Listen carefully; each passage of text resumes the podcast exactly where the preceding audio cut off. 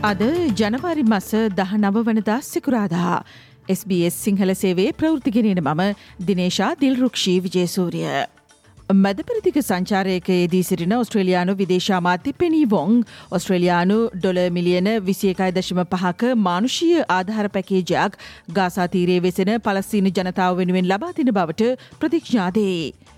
එම ආධාර මුදල් සෞඛ්‍ය සහ අධ්‍යාපන සේවා සඳහා භාවිත කිරීමට යොදාගනු ඇතැයි අපේක්ෂා කරන බව ඇය පලස්සීනාගමැති මොහොම්මද ෂටයේ වෙත පවසා තිබේ. ඔස්ට්‍රලයානු අරමුදල් වැරදි ලෙස භාවිතයේදීම වැලැක්වීම සඳහා එම ආධාරමුදල් යෙද වෙන්නේ කුමන කරුණු අර්භයාධයන වගට රජයේ සහතික වන බව විදේශමාත්‍ය පෙනී වොං සඳහන් කරාය. We should ensure uh, that our funds are used appropriately. Uh, we make that a priority. And in terms of uh, the engagement of others. This is an issue I raised with the Palestinian Authority, express, express my continued expectation about those funds being used appropriately. ඊශ්‍රයිලයට එරෙහිව දකුණු අප්‍රිකාව විසින් එක්සත් ජාතීන්ගේ අධිකරණය වෙතරැගෙන ජනසංහාර නඩුවට සහය දක්වන ලෙසට Greens පක්ෂය මධ්‍යපරචයෙන් ඉල්ලා සිටී. එයට සහය දැක්වීමට ඔස්ට්‍රේලියාවේ බලාපොරොත්තුවක් නොමැති බවට පසුගේ ජනවාරි දාහත් වනදා අගමැති ඇන්තනි ඇල්බනීසි විසින් සිදු කළ ප්‍රකාශයට ප්‍රතිචාර ලෙසට ග්‍රීන්ස් පක්ෂය මෙම ඉල්ලීම සිදුකොට තිබේ. වැඩබලන ග්‍රීන්ස් පක්ෂනායකා මෙරීන් ෆරූකි සහ ග්‍රීන්ස් පක්ෂ විදේශ කටයුතු පිළිබඳ ප්‍රකාශක ජෝඩන් ස්ටීල් විසින් මේ පිළිබඳව ලිපියක්ද ඉදිරිපත් කොට ඇති අතර යුද්ධය ආරම්භ කළදා සිට ගාසාතීරයේ පලස්තීන වැසියන් විසිහත්‍ර දහසකට අධික සංඛ්‍යාවක් ඊශ්‍රායිල ප්‍රහාර මගින් ඝාතනය කර ඇති බව එහි සඳහන් කොට තිබේ. ජනසංහාරය වැලක්වීමේ සහ දඩුවම් කිරීමේ සංග්‍රහයට අත්සන් කර ඇති රටක් ලෙසට එය උල්ලංඝනය කිරීම වැලැක්වීමට ඔස්ට්‍රේලියාව බැඳී සිරින බවද එමලිපියෙන් රජයට අවධාරණය කොට තිබේ. ඔස්ට්‍රේලියාව සහ උතුරින් පිහිටි පැපවානුව ගිනි දූපත් අතර පිහිටි කොරල් මුහුදේ නිවර්තන සුළුකොනාටුවක් ඇතිවිය හැකි බවට අනාවැකි පලවෙේ. මෙම අනතුරු ඇඟවීම් හේතුවෙන් ගංවතුරාවදානම් තත්වය පිළිබඳව සලකා බලා නොදන් ටෙරටරයේ බිලිනාරා ඇබරිජනල් භූමියයට අයත් පිජන් හෝල් නම් වන ප්‍රදේශය පෙදෙසේ ජනතාව ඉවත් කිරීම අරපා ඇති බවද වාර්තාවේ.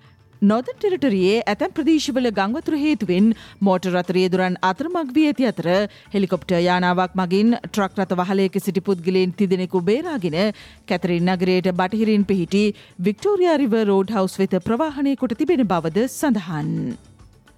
ඔස්ට්‍රේලියාවේ HIV සහ හෙපටයිටස් වෛරසේ වර්ධනයක් පෙන්නුම් කරන බව වාර්තාවේ.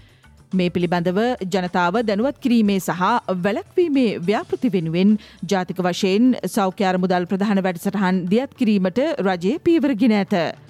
විශේෂයෙන් ඔස්ට්‍රේලියාවේ ආදිවාසී සම්භවයක් සහිත පුද්ගලයින්ට මෙම HIV සහ හෙපටයිටස් වෛරසේ වැඩි බලපෑමක් දක්නට ඇති බව දේශීය සෞඛ්‍ය විශේෂඥයෙන් පෙන්වාදේ. ශ්‍රී ලංකාවෙන් වාර්තාවන ප්‍රවෘති අද මෞබමෙන් පුවත් විශේෂාන්ගෙන් බලාපොරොත්තු වන්න. ඉරානය සිය ගුවන් සීමාව උල්ලංඝනය කළ බවට පාකිස්ානය චෝදනා කරයි. මෙම චෝදනාවලින් අනතුරුව පාකිස්ානයේ සහ ඉරාණය අතර ආතතීන් උත්සන්න වෙමින් පවතින බවද වාර්තාවේ. මෙම ගුවන් ප්‍රහාරයෙන් ළමුන් දෙදෙනෙකු මිය ගොස් තවත් ගැහනු ළමුන් තිදෙනෙකු තුවල් ලබා ඇති බව පාකිස්ානය සඳහන් කරයි. කෙසේ වෙතත් පාකිස්ානය විසින් තම ගුවන් සීමාව උල්ලංඝනය කිරීමේ ස්වභාවය හෝ ප්‍රහාර එල්ල කළ ස්ථානය තහවුරු කරනු මැත. එහෙත් මෙම ක්‍රියාවට එරෙහිව ඉරානය සිටින සිය තානාපතිවරයා ආපසු කැඳවීමට පාකිස්ථානය ක්‍රියාකොට තිබේ. ඉරාන පාකිස්ාන දේශසීමා ප්‍රදේශයේ ඉරාන ආරක්ෂක හමුදාවනට ප්‍රහාර එල්ල කරන සටන්කාමී කණ්ඩායමක් වන ජයිස් අල් අදල කණ්ඩායමට අයත් කඳවුරුත් දෙකක් ඉලක්ක කරගත් බවත් කිසිදු පාකිස්ාන ජාතිකයකු මෙම ප්‍රහාරවලදී ඉලක්ක කර නොගත් බවත් ඉරාන විදිශමාත්‍යය අමිර් අබ්දුලාහියන් පවසායේ. මේ සම්බන්ධව වන වැඩිතරතුරතුරු සහ ලොව ප්‍රධාන පෙළේ විදිස් ප්‍රවෘති අද අපගේ ලෝවටා විදිස් විති සමාලෝචනයෙන් බලාපොරොත්තු වන්න. ශ්‍රී ලංකාව සහ සිම්බාබේ අතර තරඟ තුනකින් සමන්විත විස්සයි විස්ස ක්‍රිකට් තරගාවලිය දෙකට එකක් ලෙස ජයකිනීමට ශ්‍රී ලංකාව ඊතිනේදී සමත් විය. පළමුුවෙන් පන්දුවට පහරදුන් සිම්බාබේ කණ්ඩායමට පන්දුවාර දාහතරයි පන්දුව එකක් අවසානයේදී සියලු දෙනාම දැවී රැස්කර ගැනීමට හැකිවූයේ ලකුණු අසූ දෙකක් පමණේ. පිළිතුරීනම ලෙසට ශ්‍රී ලංකාව පන්දුවාර දහයයි පන්දු පහක් තුළ එක් කඩුලක් පමණක් දැවී ලකුණු අසූ අටක් වාර්තා කරමින් තරගේ කඩලු නවයකින් ජයගැනීමට සමත් වූයේය.